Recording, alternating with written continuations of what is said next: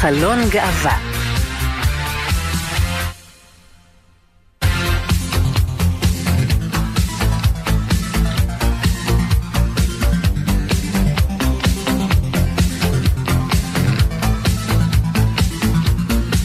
חלון גאווה עם איציק יושע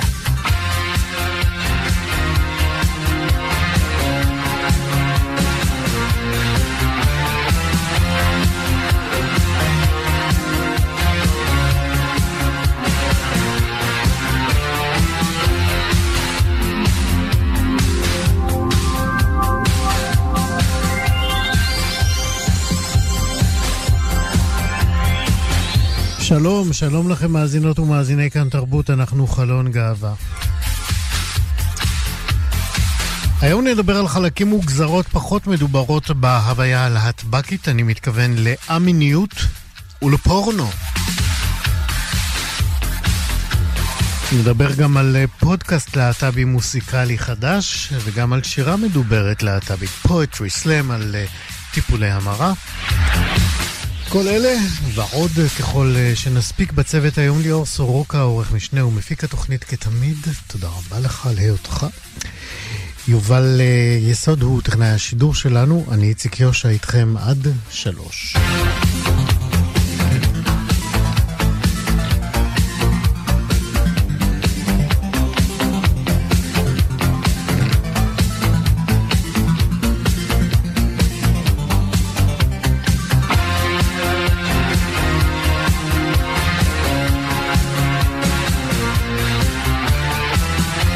עיריית ירושלים הולכת בעקבות עיריות נוספות והודיעה השבוע כי תופסי הקבלה למוסדות החינוך בעיר ישונו, ומעתה במקום שם האב ושם האם ייכתב בהם הורה אחד והורה שניים.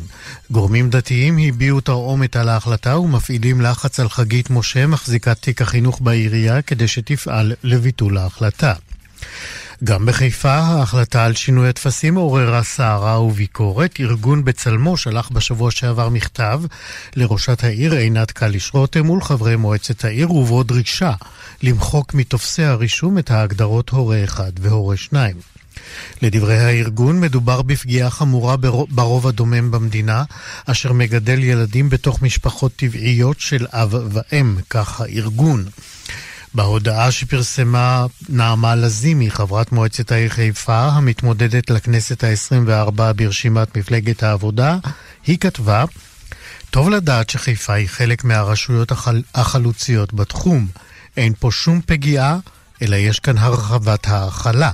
מי שלא מוכן להכיר בקיומן של משפחות אחרות, שלא ידבר על פגיעה.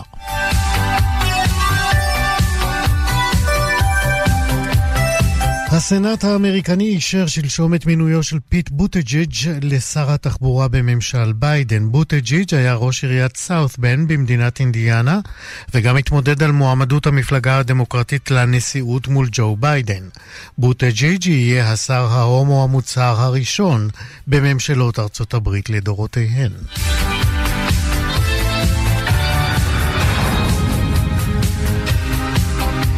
ארבעה סטודנטים נעצרו השבוע בטורקיה לאחר שהציגו כרזה ובה דגל קהילת הלהט"ב בצד תמונה של הקעבה שבמכה, המקום הקדוש למוסלמים.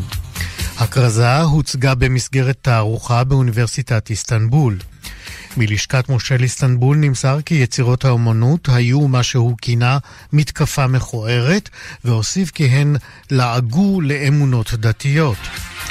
עוד בתגובה לפרסום הכרזות, שר הפנים הטורקי צייץ בטוויטר וכתב כי הסטודנטים הם סוטים.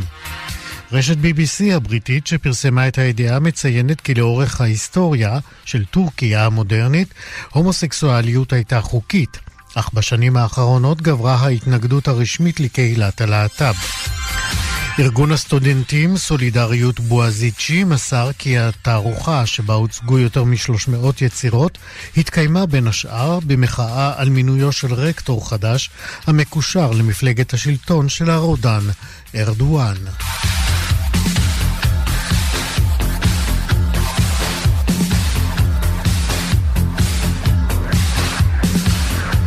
שני גברים אינדונזים נידונו בשבוע שעבר לעונש של 77 מלקות בפומבי. הם הואשמו בקיום יחסי מין הומוסקסואליים. שני הגברים, בני 27 ו-29, נעצרו בנובמבר האחרון במחוז אצ'ה, שהוא המחוז היחיד במדינה בו נהוגים חוקי השריעה האסלאמית ובו הומוסקסואליות איננה חוקית. בעקבות הפצת תיעוד של העונש, האו"ם דרש משלטונות אינדונזיה לבחון מחדש את חוק העונשין במדינה ולשחרר את העצורים לאלתר. דובר האו"ם, סטפן דויאריק, פרסם הודעה מטעם האו"ם ואמר אנחנו מודאגים מאוד מהמעצרים, מההשפלה הפומבית ומהטיפול החולני בגברים ההומואים באינדונזיה, ועד כאן חדשות. חלון גאווה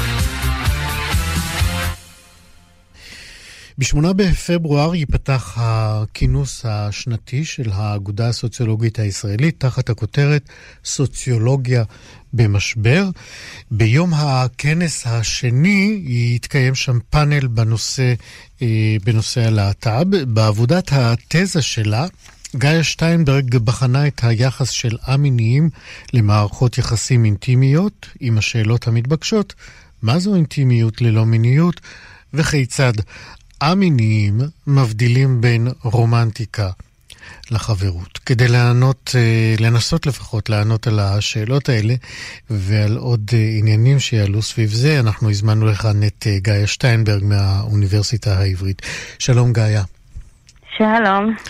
אז אולי כדי ליצור איזושהי תשתית רעיונית לשיחה הזאת, אולי תגידי בקווים בולטים, מהי א-מיניות בעינייך?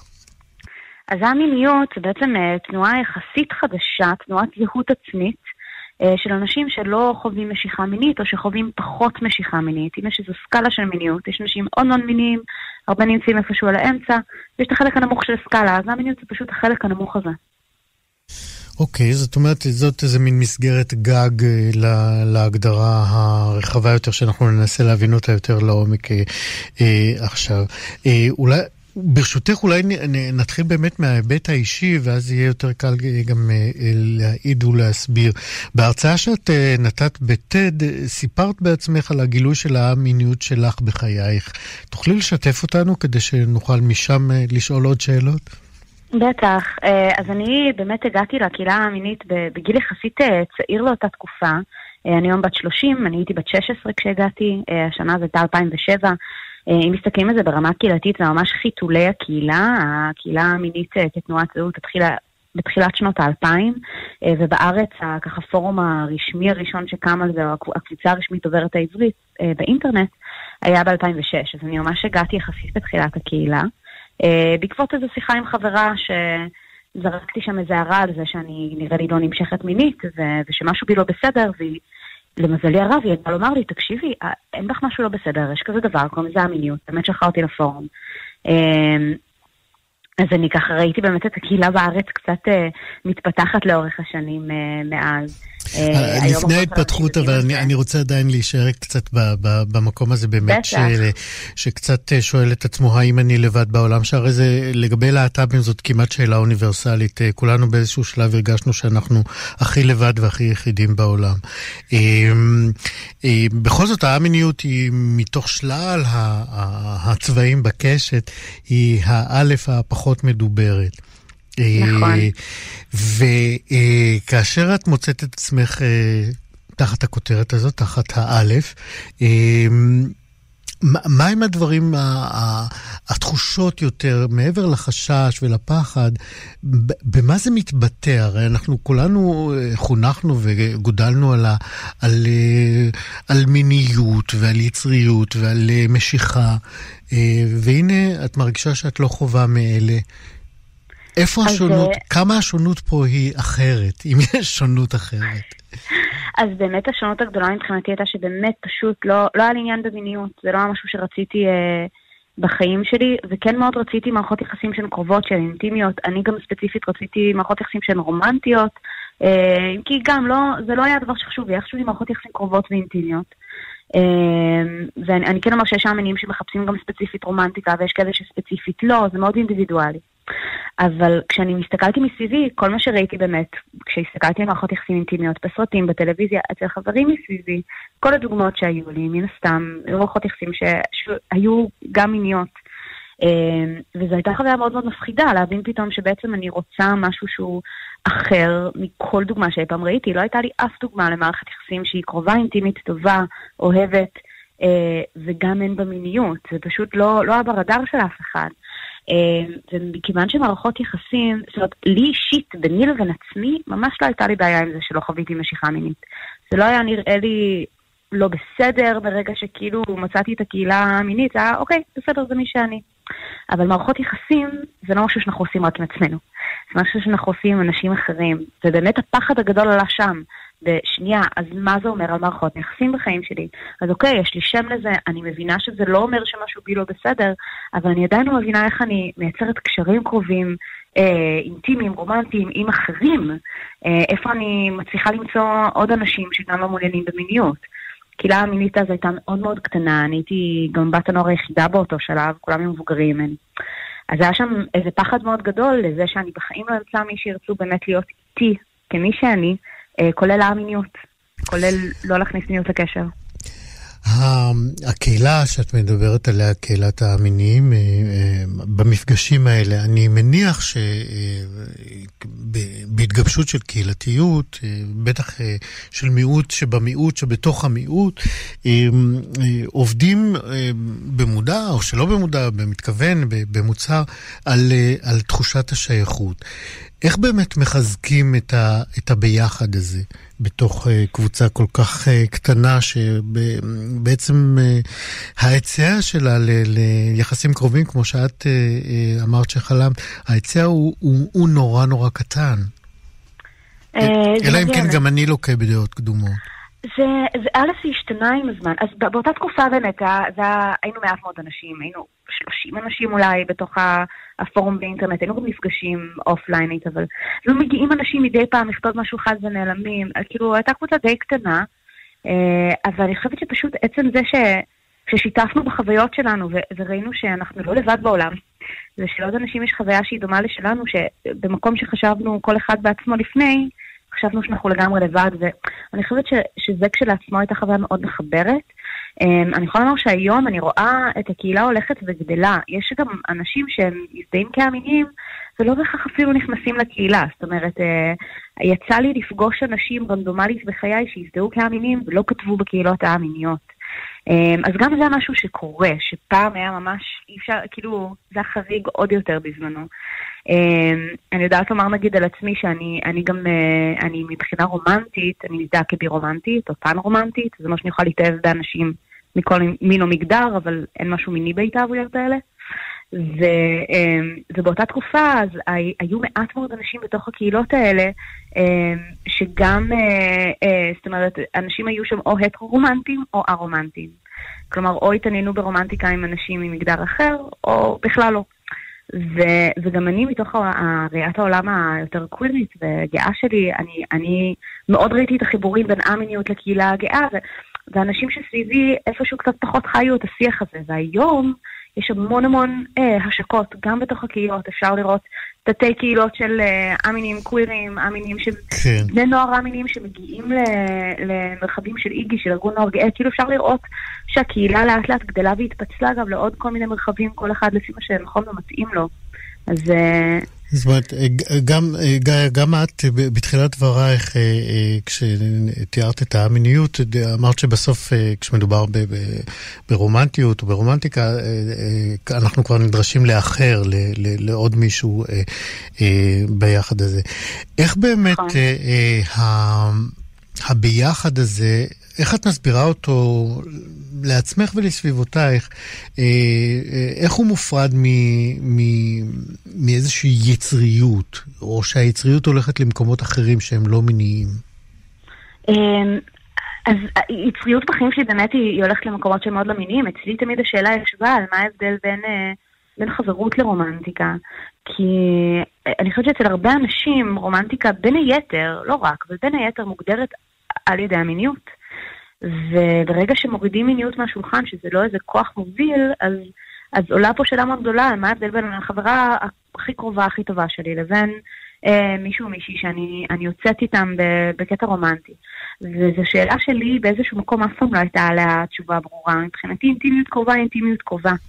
ולכן זו אחת השאלות שגם הובילו אותי אה, במחקר שלי בתזה, כי אני בעצם רציתי להבין, רגע, אז בשבילי תמיד יש פה איזה סימן שאלה.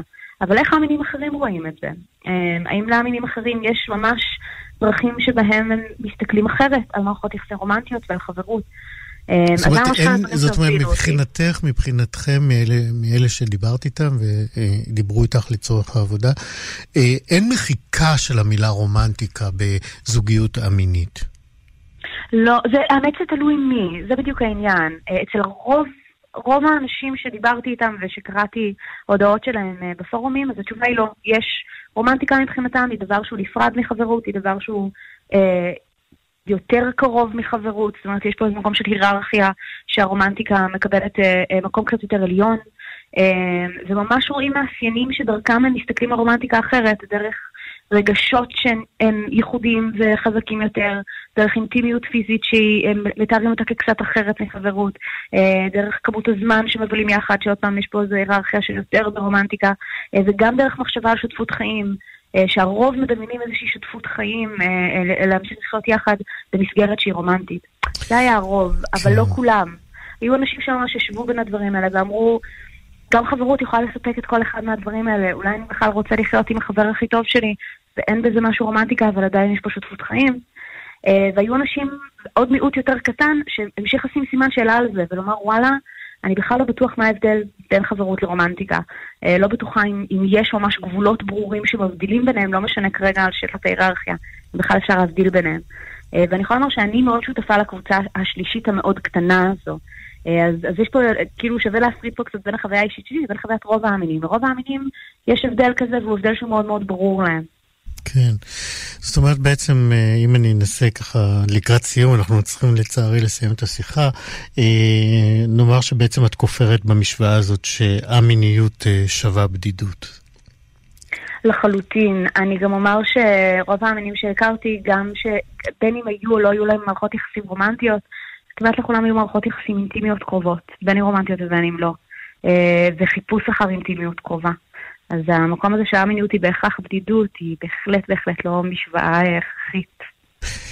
אה, וממש אה, לסיום אני רוצה לשאול אותך, גיא שטיינברג, אה, איך, איך הגיבו המנחים שלך בעבודת התזה כשביקשת שזה יהיה הנושא? האמת שככה דגתי את המנחה שלי, המנחה שלי היא פרופסור רבע אילוז. אני ניגשתי בעצם... ידועה לטוב. כן, ואני ניגשתי לדבר איתה כשהתחלתי את התואר, ואמרתי, אני מאוד רוצה לעבוד איתך, והצעתי לה כמה נושאים, אחד מהם היה, היה זה, אז היא אמרה, נשמע ממש מעניין, בואי נלך על זה, אז uh, זה הגיע בהחלט מתוך בחירה משותפת של נושא העניין שלי ושלה. גיא שטיינברג, שטיינברג, נכון? ביום... נכון. אה, אה, באיזה יום את ביום השני של הכינוס, אה, כינוס של האגודה הסוציולוגית הישראלית. תדברי שם על התזה שלך ועל המיניות. תודה רבה שדיברת איתנו. תודה רבה שהזמנת אותי, זה יום רביעי, שמונה וחצי בבוקר. בבקשה, להתראות. ביי. להתראות. חלון גאווה. הנה. ואיש אשר ישכב זכר, ואיש אשר ישכב זכר. לקוחות וסרטים יקרים, אנו עושים את מירב המאמצים לספק לכם שירות מהיר, יעיל ורווי איסורים. נציגינו ישמחו לענות לפנייתכם ולענות את נפשותיכם בהקדם. משכב ואישה תועבה, עשו שניהם מות יומתו דמיהם מות יומתו דם. שלום וברכה, מדברת טלי משינוי נטייה הפוכה, a.k.a טיפולי המרה. במה אוכל לסייע, סוטה או סוטה יקרה? הלו? סוטה או סוטה יקרה? ואז שתיקה. נשמתי נעתקה. אני אסביר את ההרגשה. מכירים? כשנרדמים, את אותו רגע חמקמק, רגע עליו אף פעם לא ניתן לשים את האצבע, כדרך הטבע, אדם נרדם ברגע. רגע שהוא בגדר זעיר אנפין אך בבת אחת, במישרין, עוברים מערות לתנומה. מחיים ל-1 חלקי 60. השירה המדוברת הזאת על אה, טיפולי המרה לקוחה מבית היוצר הדי אקטיביסטי, אפשר לומר, של אה, עמנואל קורן. הוא כתב אותה לפני שנה. נספר לכם שעמנואל הוא בן 24 והוא גר בירושלים. הוא עצמו, למזלו, כן, לא היה קורבן אה, לטיפולי המרה. להפך, המשפחה שלו קיבלה אותו כהומו, אפשר לומר, לפי עדות שלו, אפילו טוב יותר משהוא קיבל את עצמו. אה, אם רוצים יותר מכך, אה, בתחילת ימיו, הוא גם אומר, אה, מספר לנו, בתחילת ימיו בבית הספר התיכון, המחשבה על טיפול המרה בהחלט חלפה בראשו, אבל מאז הוא עסוק לא מעט במתח הזה שבין הדת, היהדות והיותו הומו, ועכשיו אנחנו אומרים שלום עמנואל קורן. שלום. כיף אני, להיות פה, תודה. אה, תודה שבאת. אני, אני, אני מתנצל שהורדנו את הקטע, אבל אני מבטיח לך, בתום השיחה שלנו, אנחנו, אנחנו נשמיע אותו במלואו. תודה רבה לך. אז תגיד רגע, אז, אז לפני שחתמת ככה על הסכם שלום עם אה, היותך הומו, אתה עוד חלמת בעצם להיות נער הפוסטר של הסטרייטיות. זה ממש המילים המדויקות, באמת, אה, אפשר להגיד שעברתי דרך חתחתים עד שהגעתי ללהסריט את ה poetry הזה, וגם לתמלל את החוויה הזאת. אה, והיום אני מבין שפשוט זה בעיקר לא כזה דיכוטומי, זה לא או שאתה נער הפוסטר של הדת, או שאתה נער הפוסטר של הקהילה, ואני חושב שהמורכבות שבדבר היא זו שגרמה לי להבין שיש דברים שהם לא כאלה חד צדדיים. ואני היום מרגיש שאני הולך ביניהם, ואני עדיין מנסה לדייק לי את הדרך שלי. מה ב, במקום הזה ש, שהוא היה קצת מנוגד? אני אמרתי בפתיח שהמשפחה שלך קיבלה אותך הרבה יותר טוב ממה שאתה קיבלת את עצמך. איפה זה שם אותך? אני הייתי הרבה יותר שמרן מרוב הסביבה שלי. אני גדלתי וגם אה, למדתי בתיכון מאוד ליברלי, מאוד פלורליסטי, אבל הייתי בדיסוננס מהחברה שלי, והיה בי עדיין את הרצון רגע להיות, כמו שאמרת, ממש נער הפוסטר של הקהילה הציונית-דתית. שכמובן נער הפוסטר צריך לצידו אישה, ילדים, שמירת מצוות, ואני חושב שאז הייתי עדיין מאוד מאוד משועבד לטאבו הזה שיש סביב הקהילה. כלומר, אם אתה הומו אז אתה לצרינו, ואם אתה בהכרח גיי, אז אתה חייב להיות חילוני, אתאיסט, תל אביבי, כלומר יש לך מקום אחד בקהילה. ובגלל זה אמרתי, אני לא יכול ללכת לשם, כי אז זה אומר שאני מפסיד עולם ומלואו, את העולם של היהדות. והיום, תודה לאל, אני מבין שזה יכול להיות שניים, הם יכולים ללכת אחד עם השני, כרוכים מבחינתי ביחד. והם לא בלתי הם נועדו, אלא נועדו לגמרי. לגמרי נועדו. לשם כיוונתי. אין, כן. אתה קראת אותי. תגיד, והרעיון הזה של אה, שיחת טיפול המרה עם מוקדנית הוא, באמת אה, חתרני, הוא סוג של סטארט-אפ, אתה יודע? אני אגלה לך מאיפה הוא נוצר ואתה תצחק עליי. אוקיי. אני איבדתי את כל הארנק שלי עם כל התכולה החשובה שלו על האשראי, על הכרטיסי אה, רב-קו ותעודת זהות שלי באחד האוטובוסים של אגד והתקשרתי במחלקת עבודות ומציאות ואני כולי באמת בדעתה כזאת ואני אומר זה הרגע הכי מלחיץ בחיים שלי וברקע אני שומע ג'ינגל נעים ובטוח לנסוע באגד ואני אומר לעצמי איזה נעים ואיזה בטוח איזה דיסטוננס כאילו בין מי שמתקשר אליכם לג'ינגל הקליט הזה, ואני אומר, איזה אירוני זה היה, אותו רגע הזוי, וטיפה סוריאליסטים, אם זה היה ג'ינגל כאילו בטיפולי המרה, וניסיתי לחשוב עם עצמי, מה היה הג'ינגל, מה היה הטקסט, מה היה התמליל, ואמרתי, מה יותר ראוי מאשר האיסור מספר ויקרא. אז ככה זה נולד. אז תודה שאיבדתי את הארנק אי שם לפני שלוש שנים. תגיד, ומי שמע את הסלאם הזה בפעם הראשונה? בפעם הראשונה אימא שלי, שאני מניח שגם מקשיבה עכשיו, היא לדעתי זוכרת אותו בעל פה. די. היא ברוכה, היא הייתה הקהל השבוי שלי, אוקיי. שכל הזמן צמנתי. תגיד, ואמרתי גם בפתיח שלי שהרעיון אה, או המחשבה על טיפול המרה כן אה, חלפה בראשך, למרות שהסביבה לא שידרה לך אה, שזאת הציפייה ממך.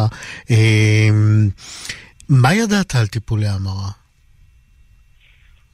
אני לא ידעתי במה הם כרוכים, וזה לדעתי סוד ההצלחה של טיפולי המרה, כמו שידעתי מה הם מבטיחים בסוף. כשאתה חושב על טיפול המרה, בגיל העשרה אתה חושב רק על התוצאה. ואתה לא בכלל מעלה על דעתך איך אפשר להגיע לתוצאה כזאת דרסטית בדרך כזאת קלילה. אז חשבתי לעצמי שמה שאני יודע זה שממירים X מ-Y, אז כנראה זה נורא קליל. לא ידעתי שום דבר על זה. ככל שעברו השנים, יש לי חברים שלצערי גם עברו טיפולי המרה, אז ממש סיפרו לי ממקור ראשון מה קורה שם, אבל באותה תקופה לא ידעתי כלום, בכלל. זאת אומרת, ומאז התייחסת לעצמך כאל אה, ניצול של תופת ועינויים. אמ, זה מילים קשות כי אני לא באמת חוויתי את זה, אבל כן הרגשתי שאני... מהסיפורים שהגיעו אליך, ממה שאנחנו כן, יודעים בדיעבד? אני, ממש. אני הרגשתי, וגם לחלוטין זה דבר שהייתי מגדיר אותו כתופת, ודווקא זה שלא עברתי אותו, אלא הוא היה במחשבה, אני חושב, אפשר לי לכתוב עליו גם ב, ביתר קלות. אני חושב שהמון אנשים שחוו את זה, הרבה יותר קשה להם לגעת בנושאי מילים, כי זה מאוד במישרין מבחינתם, וזה עדיין לחתוך בבשר החי קצת. ומבחינתי עדיין יש בזה איזה מין סוג של ריחוק. אבל מספיק הייתי קרוב לנושא כן עם הקהילה כדי לכתוב את זה. כן. זה כן משהו שאפשר לי לכתוב. מה יהיה הסלאם הבא שלך? אתה יודע שהיום בדיוק צילמתי את הסלאם הבא שלי, ממש רגע לפני שעליתי פה לשידור, אז uh, אתם ממש מוזמנים לראות אותו, בעזרת השם הוא יצא עוד שלושה שבועות, והוא עוסק במערכת היחסים שלי עם אבי, זיכרונו לברכה. יפה. אז עמנואל קורן, כמו שהבטחתי לך, אנחנו נשמע את הסלם הזה במלואו על טיפולי ההמרה, שיחה עם המוקדנית, בעקבות אה, אה, הארנק האבוד שלך בתחנת אגד בירושלים. עמנואל קורן, תודה שדיברת איתנו. תודה רבה לכם, להתראות. להתראות. ואיש אשר ישכב זכר, ואיש אשר ישכב זכר. לקוחות וסרטים יקרים, אנו עושים את מירב המאמצים לספק לכם שירות מהיר, יעיל ורווי איסורים. נציגינו ישמחו לענות לפנייתכם ולענות את נפשותיכם בהקדם. הר משכב ואישה תועבה, עשו שניהם אות יומתו דמיהם אות יומתו דם. שלום וברכה, מדברת טלי משינוי נטייה הפוכה, a.k.a טיפולי המרה. במה אוכל לסייע, סוטה או סוטה יקרה? הלו? סוטה או סוטה יקרה? ואז שתיקה. נשמתי נעתקה. אני אסביר את ההרגשה. מכירים? כשנרדמים? את אותו רגע חמקמק, רגע עליו אף פעם לא ניתן לשים את האצבע, כדרך הטבע, אדם נרדם ורגע. רגע שהוא בגדר זעיר אנפין אך בבת אחת, במישרין, עוברים מערות לתנומה. מחיים ל-1 חלקי 60 של מיטה, כך גם בשיחה לא הבנתי מתי זה אירע, אך הרגשתי שמשהו בי fucking מת בשנייה. ועוד לא אמרתי לה מילה. ונדמה שנותרנו רק אני והיא בכל מרחבי היקום והזמן שתי נפשות, מוקדנית ונרקומן. נרקומן למי נפקא מינה ותנור הבנה, נרקומן נאמן לכל דין וסימן. נרקומן לאיסורים מהרהורים אסורים. נסו להגיד זאת מהר שלוש פעמים אם ניחנתם בכישורים, נרקומן לאיסורים מהרהורים אסורים. אני? נרקומן חבל על הזמן של הנאה בטוחה מתוכחה עצמית. בכל פעם שאני זוכה להגיד בעברית, אשמתי, בגעתי, נו ברור שפשעתי. אהה, עמנואל עברת עבירה. אתה יותר בזוי מתינוק שנשבע, ההוא תמיר ונעלם, עוד את הדין ממך יתבע. איך הוא אוהב, איך אני אוהב את הכאב, את החרטה, את ההלקאה. הלו? הלו? יש מישהו על הקו? כן, סליחה, פשוט לא ידעתי מה להגיד עד עכשיו. עכשיו תמתין על הקו, אני מעבירה אותך לרב. רגע, רגע, אבל איך זה עובד? כאילו, איך ממירים? סליחה? אהבה. אהבה. איך ממירים. בחורצ'יק, אתה עושה צחוק?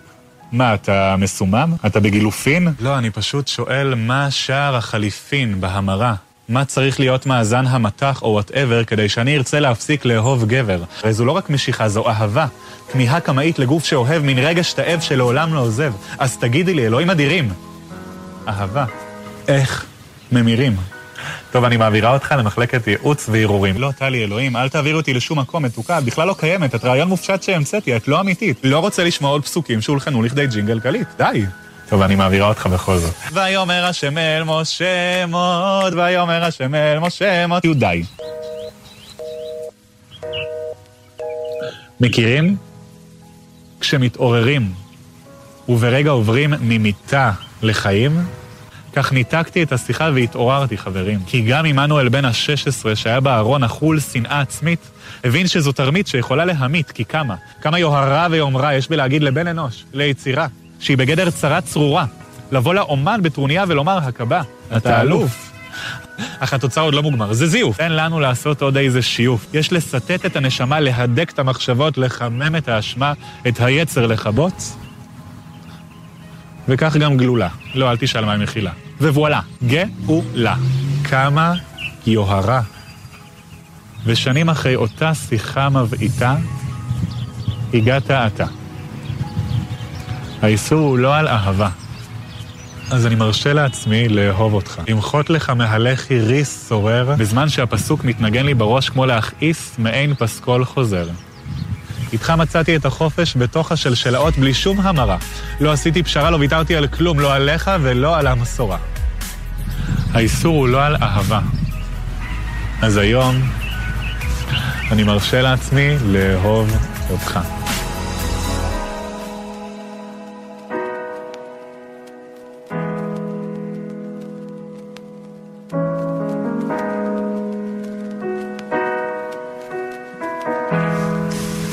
איש אשר ישכב זכר.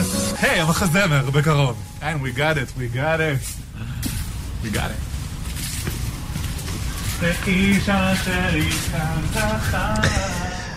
עמנואל קורן. חלון גאווה ביום ראשון האחרון התקיים אה, מפגש זום שכותרתו הייתה ההשפעות של הפורנו על הקהילה הגאה. המפגש הזה התקיים במסגרת סדרת אה, מפגשים שמארגן בית הקהילות החיפאי ונקראת אה, תיבת פנדורה. בעצם שמה ניתן להבין שהנושאים שמועלים בה הם די שנויים במחלוקת, נושאים שהם בבחינת טאבו, אה, נושאים שסובלים, אה, אפשר לומר, משיח לקוי או אפילו משיח שכמעט איננו קיים. אה, יוזמי המפגש הזה על פורנו הסבירו את הבחירה בכך שפורנו משפיע עלינו יותר משניתן לשער, שהוא לגמרי חלק מחינוך מיני. כן, ואחראי על שינויים התנהגותיים שלנו שקורים באופן לא מודע. הדיון הזה שודר בדף הפייסבוק, היה מאוד מרתק, דף אה, הפייסבוק של בית הקהילות, ואחד המשתתפים בו היה אה, דורון צור, שהוא מטפל, מורה ומדריך בשדה האינטימיות והמיניות, ואנחנו אומרים עכשיו שלום דורון. שלום, שלום.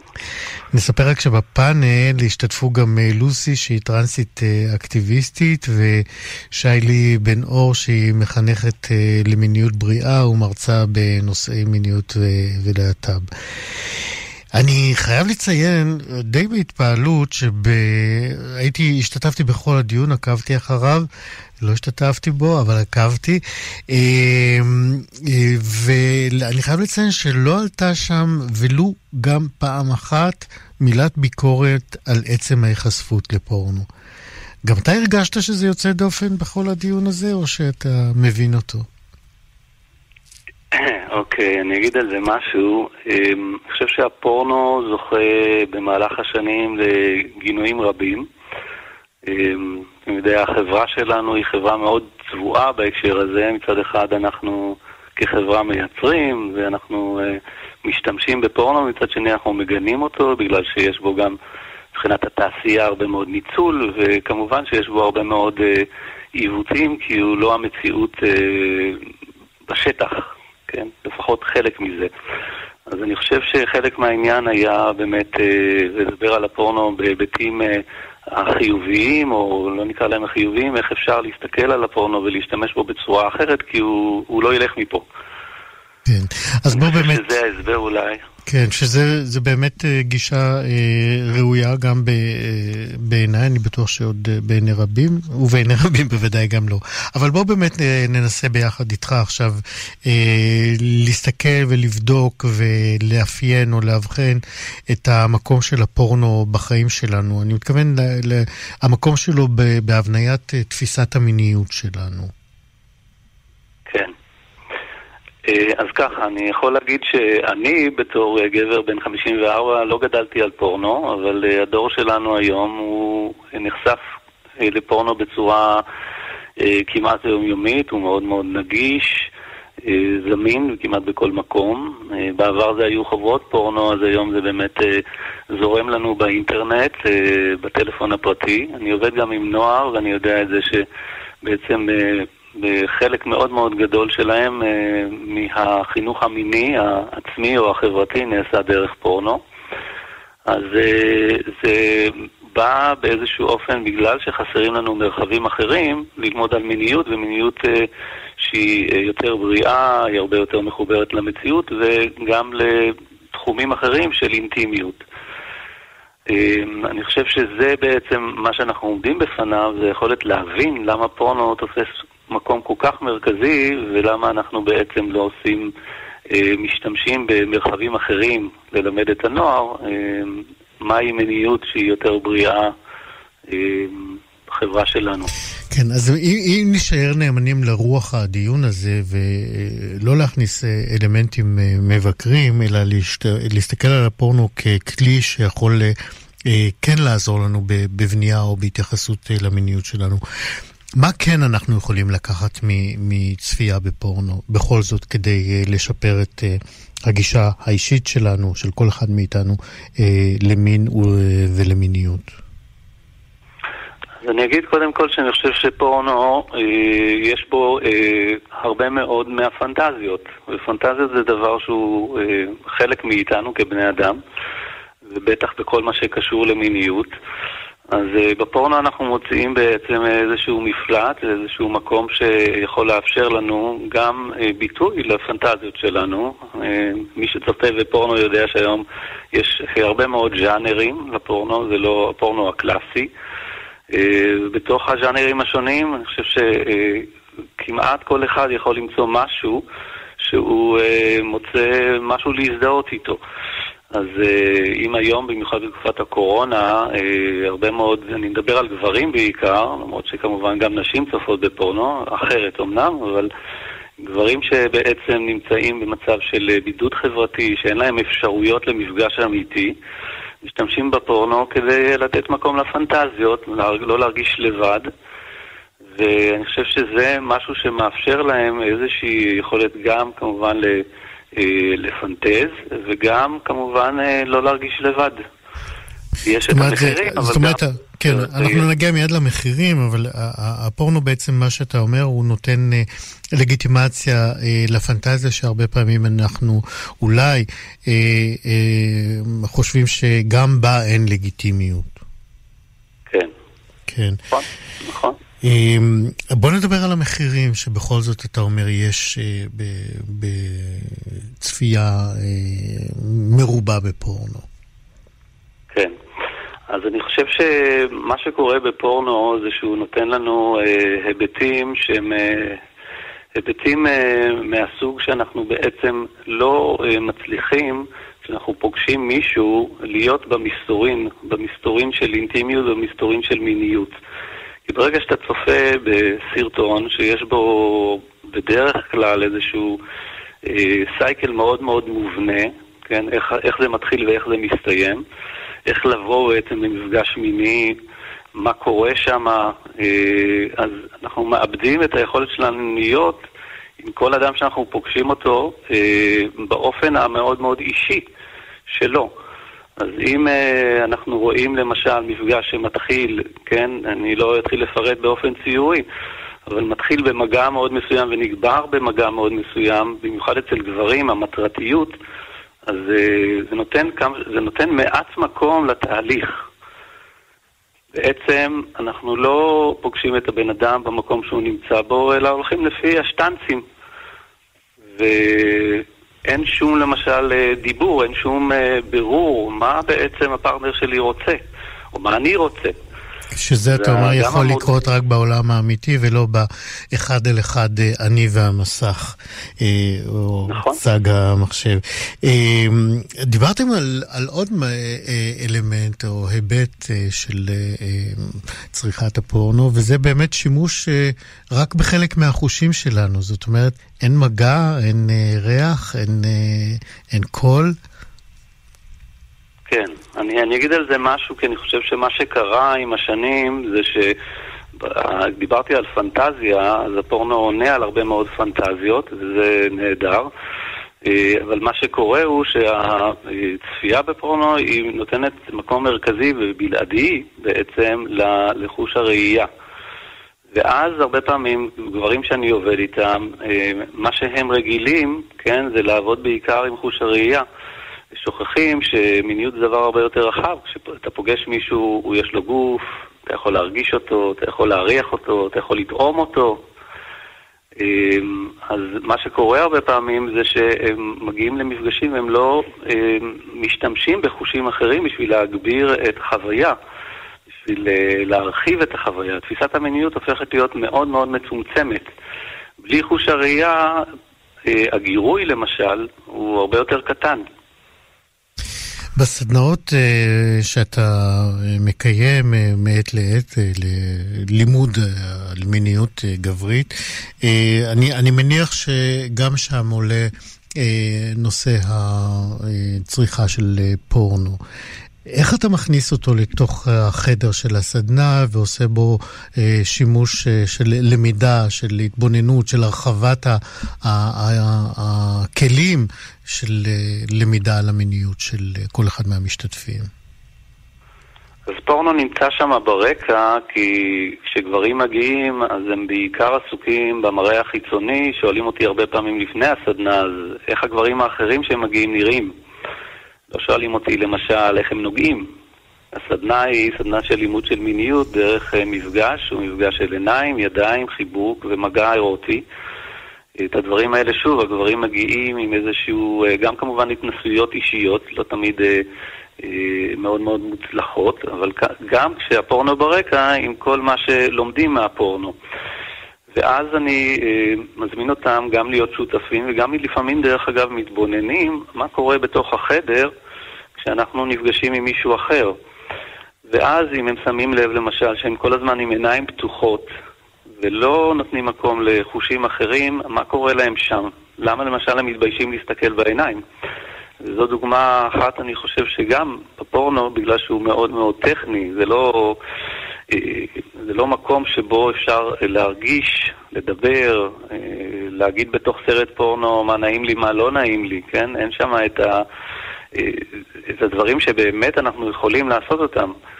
והרבה מאוד גברים למשל לא מדברים. הם הרבה פעמים מרצים, הם עושים מה שהם חושבים שהפרטנר רוצה, כי זה מה שהם הבינו מהסרטי פורנו שהם ראו. איך בדיוק לגעת, איך להביא גבר לעינוג. מה שאני מציע להם זה לנסות כל פעם מחדש לבחון את הדברים האלה. יכול להיות שהם יגלו משהו חדש. אני אתן דוגמה אחת. זה שגברים צעירים יותר שמגיעים ופוגשים גברים מבוגרים יותר. אה, בתרבות שלנו אנחנו יודעים כמה הנושא של המראה הוא כל כך משמעותי ויש פסילה מאוד מאוד גדולה, דחייה והדרה. גבר אחד צעיר יותר אמר שבזכות התרגילים שבהם הוא פגש גם גברים מבוגרים יותר, הוא יכול היה לראות שהמראה החיצוני לא מעיד, בכלל, לא מעיד בכלל על היכולת שלהם לתקשר, לדבר, לפגוש אינטימית וגם לא לגעת. אז המראה החיצוני מאוד מאוד מבלבל. אני רוצה לשאול אותך לקראת אה, סיום, דורון, לצערי אנחנו צריכים לסיים עוד מעט. אה, יצא אבל, נגיד במפגשים שלך, אם בסדנאות או במסגרות טיפוליות אחרות, אה, שמישהו אמר לך, תשמע, הפורנו דווקא לימד אותי המון דברים שלא ידעתי קודם. אני כן למדתי איך לגעת, כן למדתי איך לחזר, איך למדתי לשמוע, להקשיב. זה לא, לא יצא לי כזה דבר, לא אני יצא. יכול להגיד שאני... זה יפתיע אותי אם מישהו יגיד ככה. אה, אני חושב שזה אומר משהו על אה, מידת המוגבלות של המפגשים האישיים שהיו לו. אה, אני יכול להגיד שיש ז'אנר מסוים, או אפילו כמה ז'אנרים שיש בהם משהו שהוא מעבר לסייקל הרגיל, לדברים הטכניים, לדימויים של גברים מאוד מאוד צעירים, שרירים. אז יש ז'אנרים שמביאים אה, ייצוגים אחרים של גברים. גברים שהם יותר גדולים, גברים שהם נכים.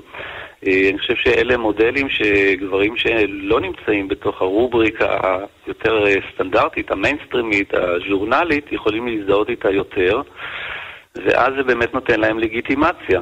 אני חושב שהרבה מאוד גברים שבכל זאת הומואים, זה שיש פורנוגרפיה שהיא גם לנו לגברים נותנת תחושה שזה לגיטימי, לגיטימי להיות גבר שאוהב גברים, גם בעידן הזה שלנו, יש הרבה מאוד גברים בארון, ואז אני חושב שעצם הלגיטימציה היא משמעותית בפני עצמה.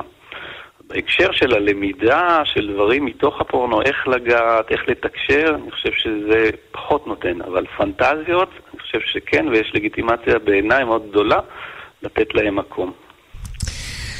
דורון צור, לסיום במשפט, אם, היינו, אם היית צריך לומר פורנו כן או לא, מה היית אומר? הייתי אומר ש, שברור שהוא שנוי במחלוקת, הוא לא ילך מפה ולכן אנחנו צריכים ללמוד איך לעבוד איתו. אני חושב שהדרכה, צפייה מודרכת בפורנו היא דבר חשוב.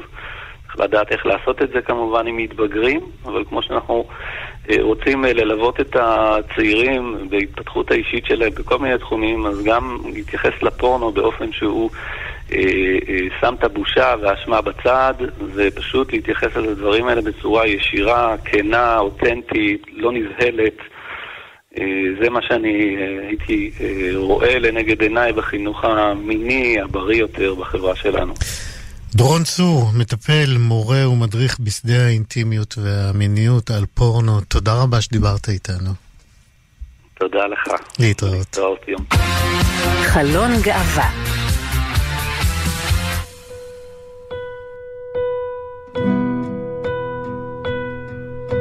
חושך, לא ראיתי כלום.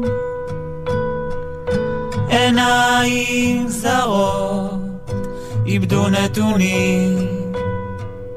ניסיתי להפוך את אורי, אבל האור שבפנים דמה מדי לשלי. רציתי להדוף את השנים שעומדות בינינו בלי להבין, בלי להבין שאין כלי נשק בעולם, שרק מתוקף אהבתי יכריע את הזמן.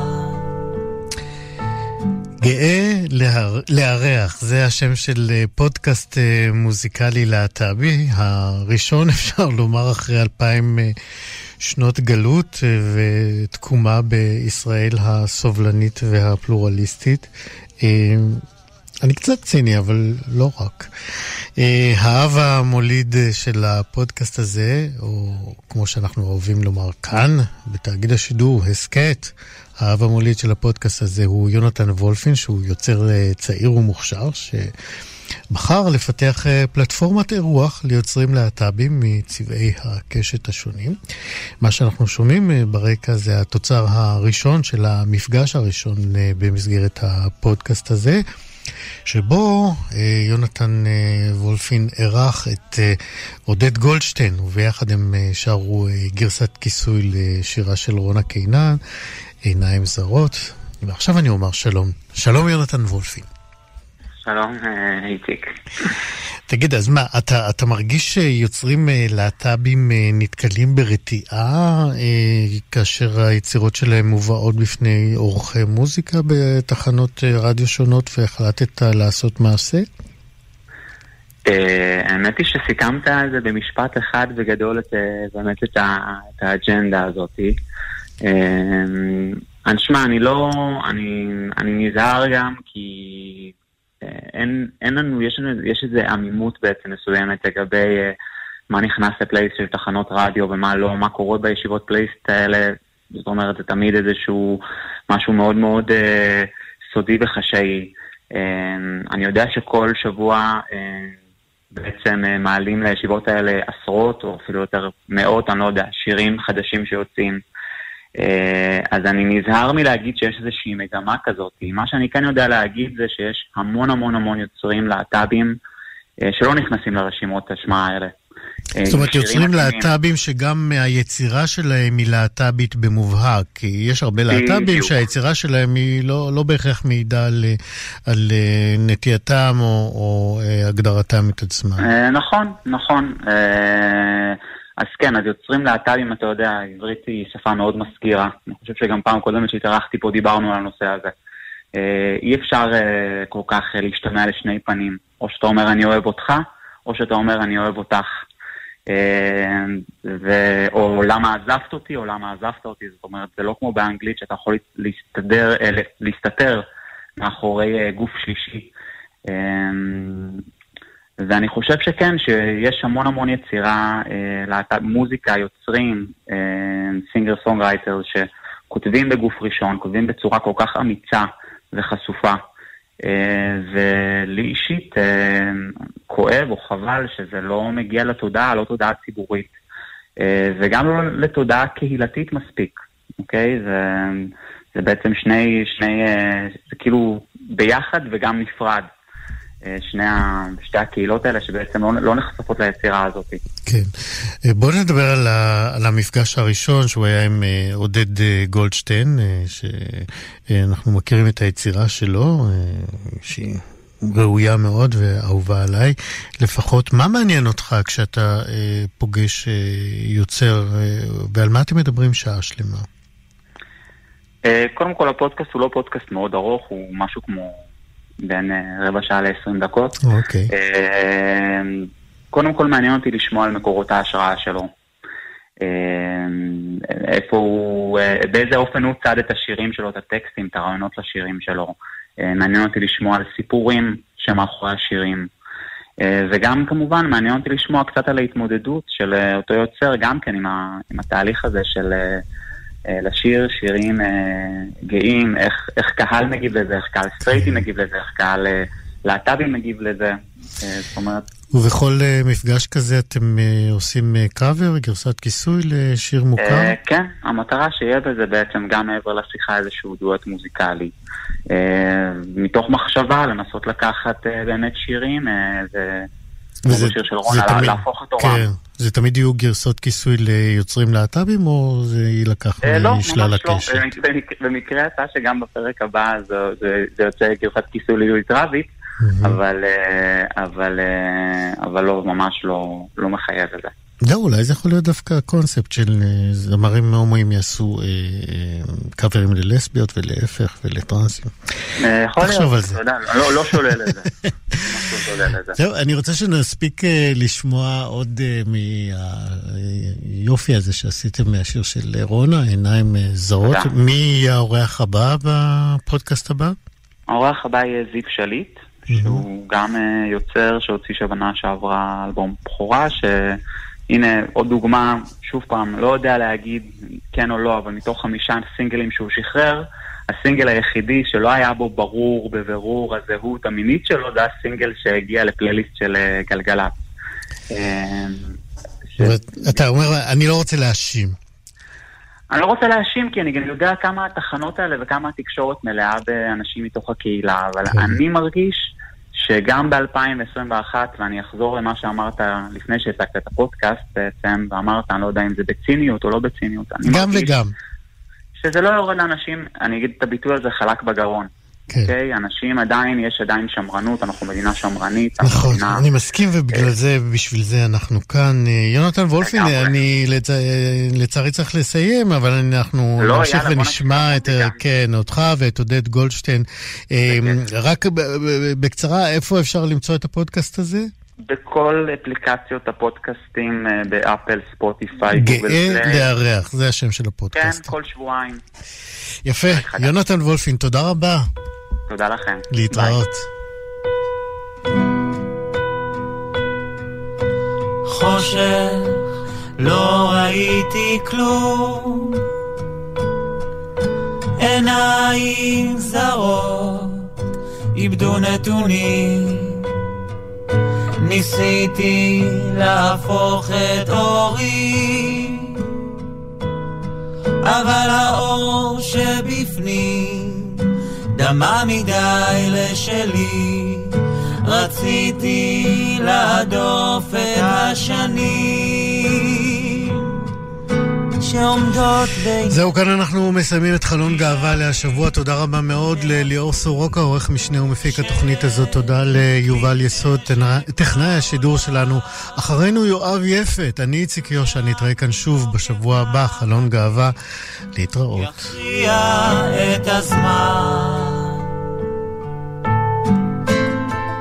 אני לא אפסיק לרצות, אני לא אפסיק לרצות, אני לא אכנע לרעיון הזה שאי אפשר, אי אפשר, אי אפשר.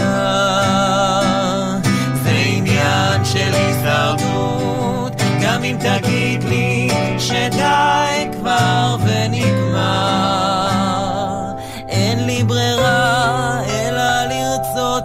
אפשר